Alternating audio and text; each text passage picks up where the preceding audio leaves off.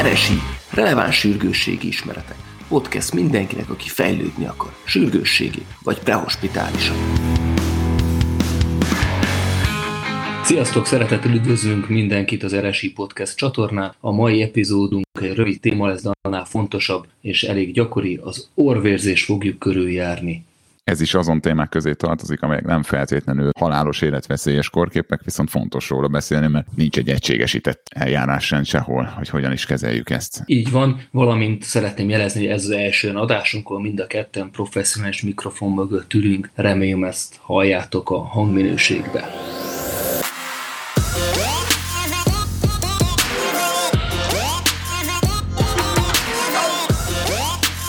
Na jó, szóval akkor vágjunk bele az orvérzés. Hát két helyről vérezhet nagy rész, úgymond anterior és posterior helyről. Az anterior vérzés, ez úgynevezett Kesselbach lóbusból vérzik. Ez a sokkal-sokkal gyakoribb vérzés forrás. A vérzések majd 90%-a innen fog eredni. A posterior vérzés, ugye az hátrébről van, hogy a neve is adja, az arteria sphenopalatinanak a vérzése lehetséges ott a legtöbb esetben. Ezek komplikáltabbak és kevésbé könnyen elálló orvérzések egy ilyen hat lépéses metódust hoztunk nektek. Elindulunk rajta végig, Béci.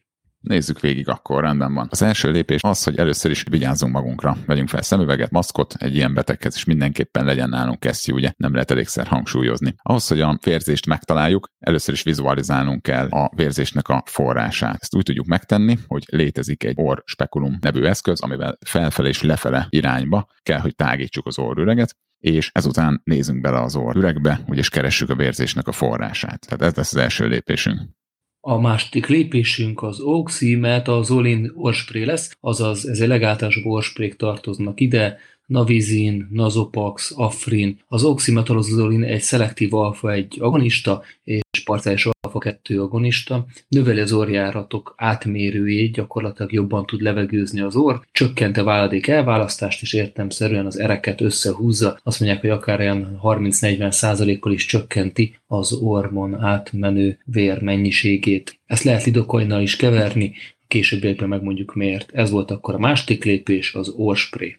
És akkor harmadik lépésként nyomjuk össze az orszárnyakat, ugye ez a legáltalánosabb dolog, amire a laikusokat is szoktuk buzdítani akár. Az orszány összenyomás az közvetlenül a csontos rész alatt történjen, 15 percig tartson, eközben egy kicsit, hogyha előre dönti a beteg a fejét, akkor az jó. Meg tudjuk tenni az orszány összenyomást úgy is, hogy két spatulával készítünk egy orcsipeszt össze kell a két spatulát erősíteni valamilyen módon, ezt általában gézzel tudjuk megtenni, és akkor az egy nyomást fog kifejteni az orra ugyanúgy, mint hogyha egy csipeszt tennénk rá. Van egyébként speciális orcsipesz is, 12 ezer forintért lehet venni 6 darabosat, talán olcsóbb egy spatulás megoldás. Negyedik lépésünk a kauterizálás ezüst nitráttal, azaz a... Mikulica. Ez a csodakenőcs, amit egyikünk se ismert annó, amíg nem kezdtünk el sürgősségét dolgozni, és a nevét se tudtuk mindig megjegyezni. Igen, az biztos csodálatos nevű varázsszer, a Mikulica egy ilyen fekete kenőcs-szerű anyag, mint később kiderült, hogy ez az ezüst nitrát, úgyhogy ez egy nagyon szuper készítmény és tulajdonképpen ezt használják nyugaton is, keleten is, nálunk is. Azt lehet mondani, hogy ez kauterizáláshoz jó. Előtte szükséges lehet az orr kimosása, hogy látható legyen a vérzés forrás, vagy egy orszpe- orspekulummal megtekinteni, hogy hol van a vérzés forrás. Lidokainnal lehet esetleg érzésteleníteni az ornyáka ártyáját, ha nem tettük meg az oximetozolin sprével együtt a lidokain adását. Az ezüstnitrátban mártott pálca végével egy 10 másodpercig kell kezelni a vérzés forrás széleit, amíg a mukóza fehéres színű nem lesz. Arra vigyázni kell, hogy tovább semmiképpen se használjuk ezt, mert a porcos szeptumnak a nyálkaártya, a vérellátása a nyálkaártyán keresztül történik, ezért, hogyha mind a két oldalt mondjuk a szeptumnázit kauterizálnánk, akkor félő lenne, hogy ott egy szeptum elhalás következne be. Tehát mindenképp rövid ideig kell a vérzés forrás széleit Oké, okay, és akkor nézzük, mi lesz az ötödik lépés, hogyha a csodálatos mikulicos megoldásunkkal nem tudtuk kauterizálni megfelelően a vérzésforrást, akkor már csak egy dolog maradt hátra, illetve két dolog maradt hátra. Lássuk az elsőt, Ötödik lépésként, tehát az orr üregnek a tamponálása jön még szóba, tranexánsavas adrenalinos gézzel. Itt fontos azért megemlíteni, hogy kezdetben annyira nem lényeges nekünk, hogy honnan is vérzik, hogy most az anterior vagy posterior területi, hogyha vérzik, tehát hogyha nem tudtuk eddig megszüntetni, akkor ezt a lépést alkalmazzuk, itassuk be adren- adrenalinba, tranexánsabba, valahol még azt is javasolják, hogy esetleg lidokainnal is áztathatjuk a gézünket, aztán azzal az egész orrüreget tamponáljuk ki. Ezzel a módszerrel, ha minden igaz, akkor megszüntethető lesz a vérzés, ha nem, akkor pedig jön a hatodik pont, így van. Az ötödik pontnál még ezért hozzátartozik az evidence-based hogy egy 2021-es tanulmány majdnem 500 emberen, orvérzős emberen végzett vizsgálattal nem mutatott érdemi javulást a felszíni tramexán savadásától. Ettől függetlenül több szakértő véleményét meghallgatva a gyakorlati életbe ez általában működni szokott. Azoknál az embereknél, akiknél már egy ilyen lidokainos, adrenalinos, tramexánsavas tamponálást használunk, azokat az betegeket már azért érdemes esetlegesen monitorizálni, és úgy figyelni. A hatodik pont pedig egy relatíve brutálisnak tűnő beavatkozás, ez pedig a tamponálás a fólikatéterre. Lehet kapni speciális orba helyezhető tamponokat, amikkel lehet tamponálni. Vannak ilyen önfelfújók, illetve vannak általunk felfújható ortamponok. Ezek nem állnak rendelkezésre, akkor a fólikatéterre lehet. Ez posterior orvérzések esetén lehet sikeres, hogyha az előtte lévő lépések nem voltak sikeresek. De ebbe az irányba, vagy ebbe az esetben mindenképpen fülörgékész bevonása is javasolt.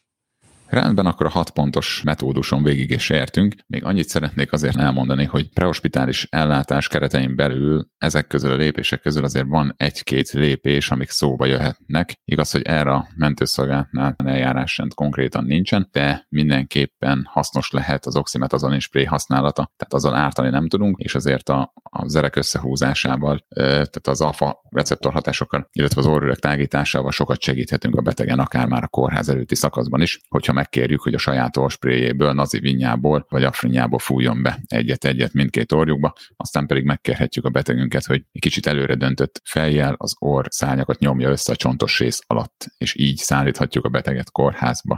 A prehospitális ellátás kapcsán még annyit szeretnék megjegyezni, hogy az orvérző betegeket érdemes mindenképpen beszállítani kórházba, Lehetőség szerint, ha van rá mód, akkor fülörgégészeti osztályra, ott fogják tudni a legmegfelelőbben, legadekváltabban ellátni az ő problémáikat. Ami még szükséges ebbe az esetben, vagy szerintem szükséges megemlíteni, hogy nincs egyértelmű tanulmány, ami kimutatná azt, hogy a magas vérnyomás lenne az oka a folyamatos orvérzésnek. Magyarán, ha találunk egy beteget, akinek magas vérnyomása mellett nincs más tünete, azt egy kicsit kezeljük külön az orvérzéstől. Az is lehet, hogy az orvérzés okozta fájdalom, a jelentős mennyiségű vér megjelenése miatti szimpatikus izgalom miatt van magasabban a vérnyomása. Tehát mindenképp a előbb elmondott vérzéscsillapító eljárásokat használjuk, és ezektől függetlenül, ha nem csökken a vérnyomás, akkor eljárás ennek megfelelően lehetséges azt csökkenteni.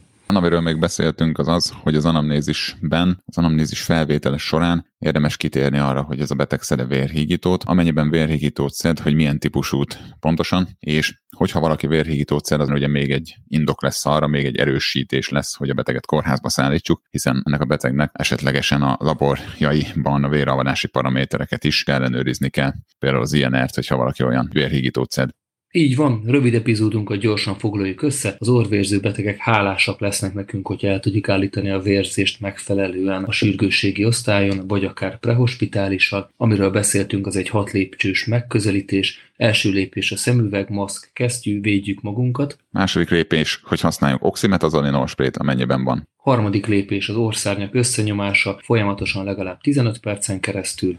Negyedik lépés volt a kauterizálás ezüstnitráttal, vagyis mikuricsal. Ötödik lépés, tamponálás, tramexánsavas adrenalinos gézzel, ezt már mindenképp kórházi körülmények között és monitorizált betegnél.